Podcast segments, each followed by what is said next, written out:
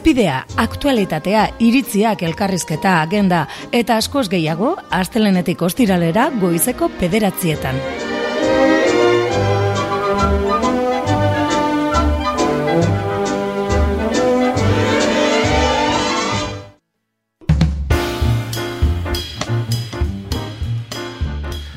Aurrera egingo dugu izpidea magazinean, eh, badakizu, eh? Bilbo hiri erratiak eta alabedi erratiak elkarlanean egiten dugula, goizero, goizeko behatzetatik eta amarrak bitartean, eta aktualitateari begiratzen diegula. Aktualitate horrek, alako e, zenbaki ba, batzuk, egoita iru eta egoita lauko zenbakiak biribildu egiten dizkigu eta esaten digu, ba, gipuzko aldera joan behar dugula, denok, eta ara begira egon behar dugula, oso, ustakit, oso jardunaldi interesgarriak izango baitira, hizkuntza gutxituei dagokionez. Izan ere, hitzargiak izeneko emanaldia, jardunaldia izango da bertan. Hori zer den jakiteko, zuzenean, zuzen zuzenean jakiteko, soziolinguistika klausterreko kide den, eragile den, belen urangari deitu diogu, eta okerrez banago, gurekin bat eginda dago telefonoa bitarteko, egunon, belen? Egunon, bai. Bueno, lehenengo eta bat, eh, jardunaldi buruz eitzegin aurretik, agian soziolinguistika klusterrak zer egiten duen eh, galdetuko genizuke. Bai, beira, ba, e, klusterrak esaten duen hitzak esaten duen bezala, soziolinguistika klusterra da, euskararen inguruan lan egiten ari diren e, hainbat eta hainbat erakundeen bil, e, bilkura, ez, bilketa bat. Eta orduan, e, batez zer, bueno, erakunde hauek dia, ba, gizartetik sortutakoak eta baita, bueno, administraziotik edo unibertsitate, unibertsitate, unibertsitateak. Orduan, e, elkartzen geha, nola baita esan, ezagutza, soziolinguistikaren ezagutza garatzeko eta hori transmititzeko. Hau da, e, nahiko genukena da euskeraren bizi berritzean lanean ari garenok elkarren gandik e, ikasi eta egiten dian aligin guztiak, bueno, ba, etekin hobeagoak e, izan ditzaten, ez da? E, orduan, ezagutza garatzen saiatzen gea eta ezagutza hori gero aplikatzen ba, hainbat eta hainbat esparrutan. Hori da klusteraren zentzua eta hori da guk egiten duguna. Mm Ezagutzatik, nola baita esan, erabilerara pasatzea, bai, da? Bai, bai, bai, ez, hau ez da bakar bakarikan, bueno, ezagutzea ezagutzeatik, baizik eta helburu garbia daukagu, e, euskaren alde egiten dugun e, guztiok bezala, ez da? Guk, uh gu saiatzen gea, e, lanean, mm, euskerak izan dezak, izan dezan, ba, beharko luken lekua, ez? E, hori da gure helburua. Uhum. Praktikarik gabeko teoriak espaitu zentzurik eh, eta eta horren e, arabera ba hitzargiak izeneko jardunaldiak e, antolatzea erabaki duzu. Konta iguzue ideia nondik sortu zitzaizuen eta zertan dautzan e, jardunaldiok. Bai, gauza da, bueno, guk euskararen alde lan egiten dugu, baina garbi daukagu ez garela munduan bakarrak, ez gaudela euskararen kasua ez da munduan bakarra, e, baizik eta ba mundu mailako e, gertatzen ari den prozesu baten e, izpilu da euskararen kasua, baina ba, hainbat eta hainbat hizkuntza daude euskararen antzera, ba, ba, ba galtzeko arriskuan edo bintzat e, egoera gutxituan, ez, minorizatuan, ordun.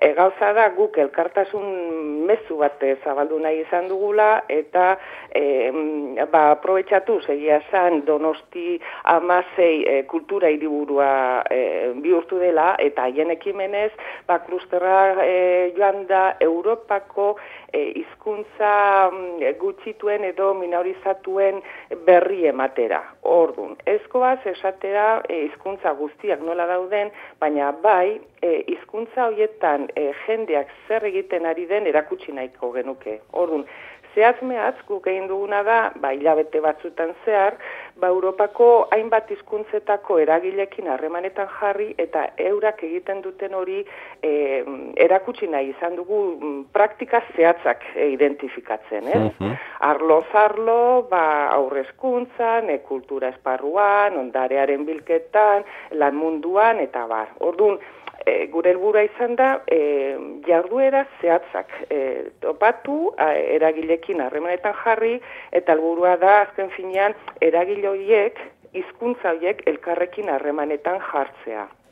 E, jakina, e, azken finean mm, sare bat sortu nahiko genuke e, etorkizunari ba, indartsuago, e, elkartasunaren baitan indartsuago eta e, animosoago nola baita esan el, e, jarraitzeko lanean, ez da?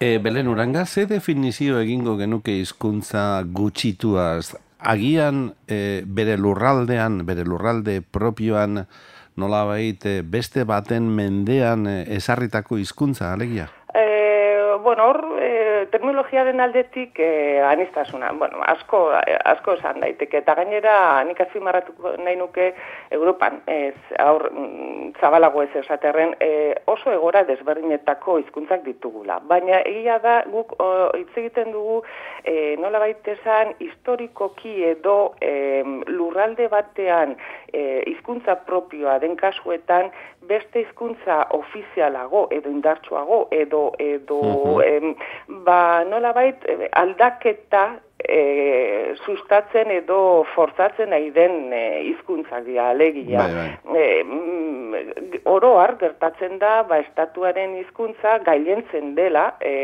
hizkuntza bertako hizkuntzen gainean eta eramaten dula e, hizkuntza hizkuntza hori ba e, aldatzea, transmititzeari ustea eta nolabait mm, neurri bat emitzat zokoratzea, ez? Orduan justu guk e, nahiko genukena da eta horrela gertatzen ari da e, izkuntza hauei bere balioa ematea eta bere leku hartzearen aldeko e, aldarri egiten dugu eta lanean ari gara. Mm?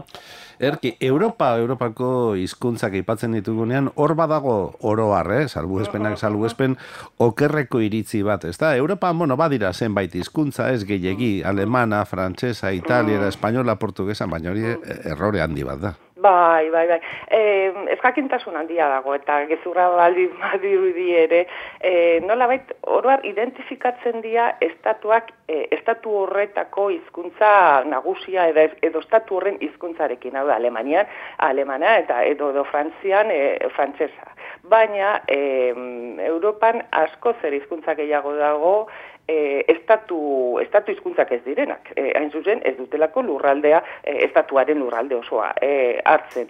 Eta horren aurrean, e, estatuek bartzen dituzte, ba, ba, ba, ba, ba jarrera politiko desberdinak, ez? E, erabat baztertzen dute, hainbat kasutan, e, maila bateko babesa ematen diote beste kasu batzutan, baina oroar, esango genuke, mm, E, ez, dute, ez dituztela inolaz ere kontuan hartzen e, hizkuntza nagusi hoien tamainan, ez? Eta orduan e, hori zabalduta dago gizartean, gizarteak ez du ezagutzen zenbat eta zenbat hizkuntza dagoen e, oiez, handi oiez gain, estatu hizkuntza oiez gain, eta irutzen zait, e, horitzen zaigu badala garaia horren berri emateko, e, ezate baterako, e, kasuak asko daude, baina ba, ba, Frantziako estatuan adibidez, ba, ba, bai. bretoiera egotea, edo, edo altzaziera egotea, edo, e, edo ingela, ing, erresuma batuan ba, Irlandarra egotea, gaelikoa egotea, Eskozian beste hizkuntza bat egiten dela, edo, edo Polonian badagoela beste hizkuntza bat ekasu bira izena du, en fin, e,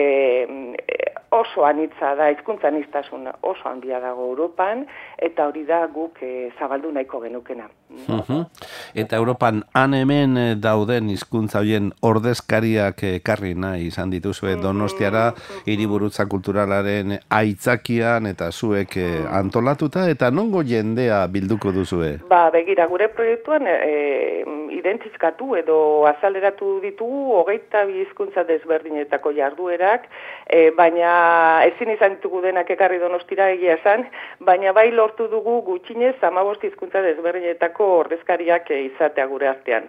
Esate baterko, batzuk esatearen. E, ba, badaukagu altzaziera, badaukagu e, gael, Irlandako gaelikoa, Eskoziakoa, Galesera badaukagu, Frantziako estatuan Bretainiako hizkuntza bretoira badaukagu, e, Estoniako bore hizkuntza badaukagu, lehen aipatutako Poloniako kasubieraren e, lekukotasuna badaukagu, e, Estatu Espainiarrean e, Galiziera, Asturiera, e, e, Katalana e, e, eta barrez, e, guztira amabost hizkuntza desberdinetako lekukotasunak ditugu bai. Bai.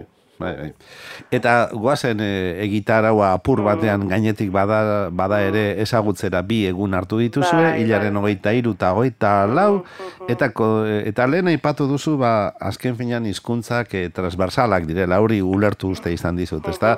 Agian sarritan pensatzen dugu beleen e, hizkuntza, bueno, hizkuntza da egitura bat, egitura gramatikal bat, ez, da, e, komunikaziorako tresna, bizitzarako tresna, eta bizitzan ez dugu ezer ere egiten hizkuntzari gabe, beraz, presente dago gauza guztietan, eta zuek horren izla hartu nahi izan duzu itzargiak proiektuan, ez da? Ba, jori da, em, e, e, guk egin duguna da, ba, atalez atal neurri batean behintzat, e, lekukotasun batzuk e, erakutsi nahi izan ditugu, esate baterako. E, e, topaketak oso trinkoa izango da, ia da bi egunetan amairu mai inguru osatu ditugu, eta mai inguru bakoitzean hiru edo lau e, jarduera erakutsiko ditugu, beraz, e, esan dako oso trinkoa da, baina e, esparuz esparu, esate baterako, badaukagu mai inguru bat, hauzko ondarea e, balioan jarri nahi duena, eta horre esate baterako biltzen dia hizkuntza horretan egiten dien e, grabaketa batzuk gero zabaltzeko, baina grabazio hoietan daude ba historia zarrak, e, kontakizun e,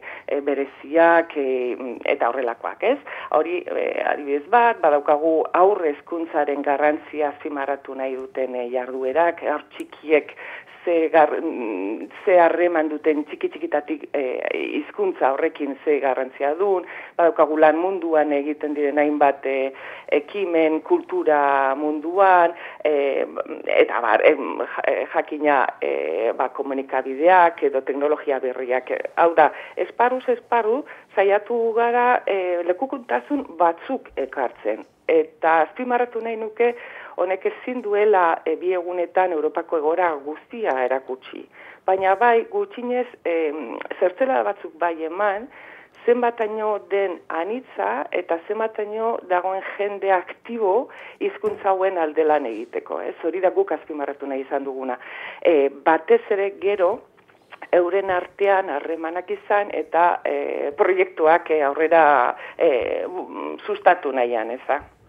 Elkar ezagutza hori sustatzeaz gain, eh, nola baite, jendaurrera zabaltzeko aukera apartare izan daiteke jardunaldi hau, izan ere, ba, marko horren barruan badirudi edabideok adiago gaudela normalean baino, ez da? Ba, hori da, e, ba, guk ikusgarria, ikusgarritasun hori azpimarratu nahi dugu. Hau da, e, ez dugu geure baitan gelditu nahi, erakutsi nahi dugu gizartean zenbataino dagoen e, zenbat jende dagoen lanean, e, bakarrik ez gaudela, denon artean asko zobeto egingo diogula aurre, eta komunikabideen laguntzaz e, hori nahiko genuke, erakustea bai gure gizartean eta baita Europa mailan ere, ez? Hau azken zinean Europa mailako proiektua da, eta nahiko genuke hau e, e, etorkizunean ere Europa mailako proiektu modura jarrai, jarrai dezan, ez da. Aha. Itzargiak eh, jardunaldiak e, datorren, e, bueno, asteburuan esango dugu, ez? Aste, aste honen azken ondarrean, ostegunean eta ostiralean, Hernanin, ez da? Hori da, bai, orona ideo eraikinean, e, bertan izango gea, bai. Bueno, itzargiak elkar argitzen duten hizkuntzen jardunbideak ba argia piztu dakizuela jardunaldi horietan belen, ondo ondo irten dadila dana. Mi esker, mi esker, bai. Eta horrengo bater arte. Bai, eskerrik asko zein, zeitzatek. Agur. Agur, izan.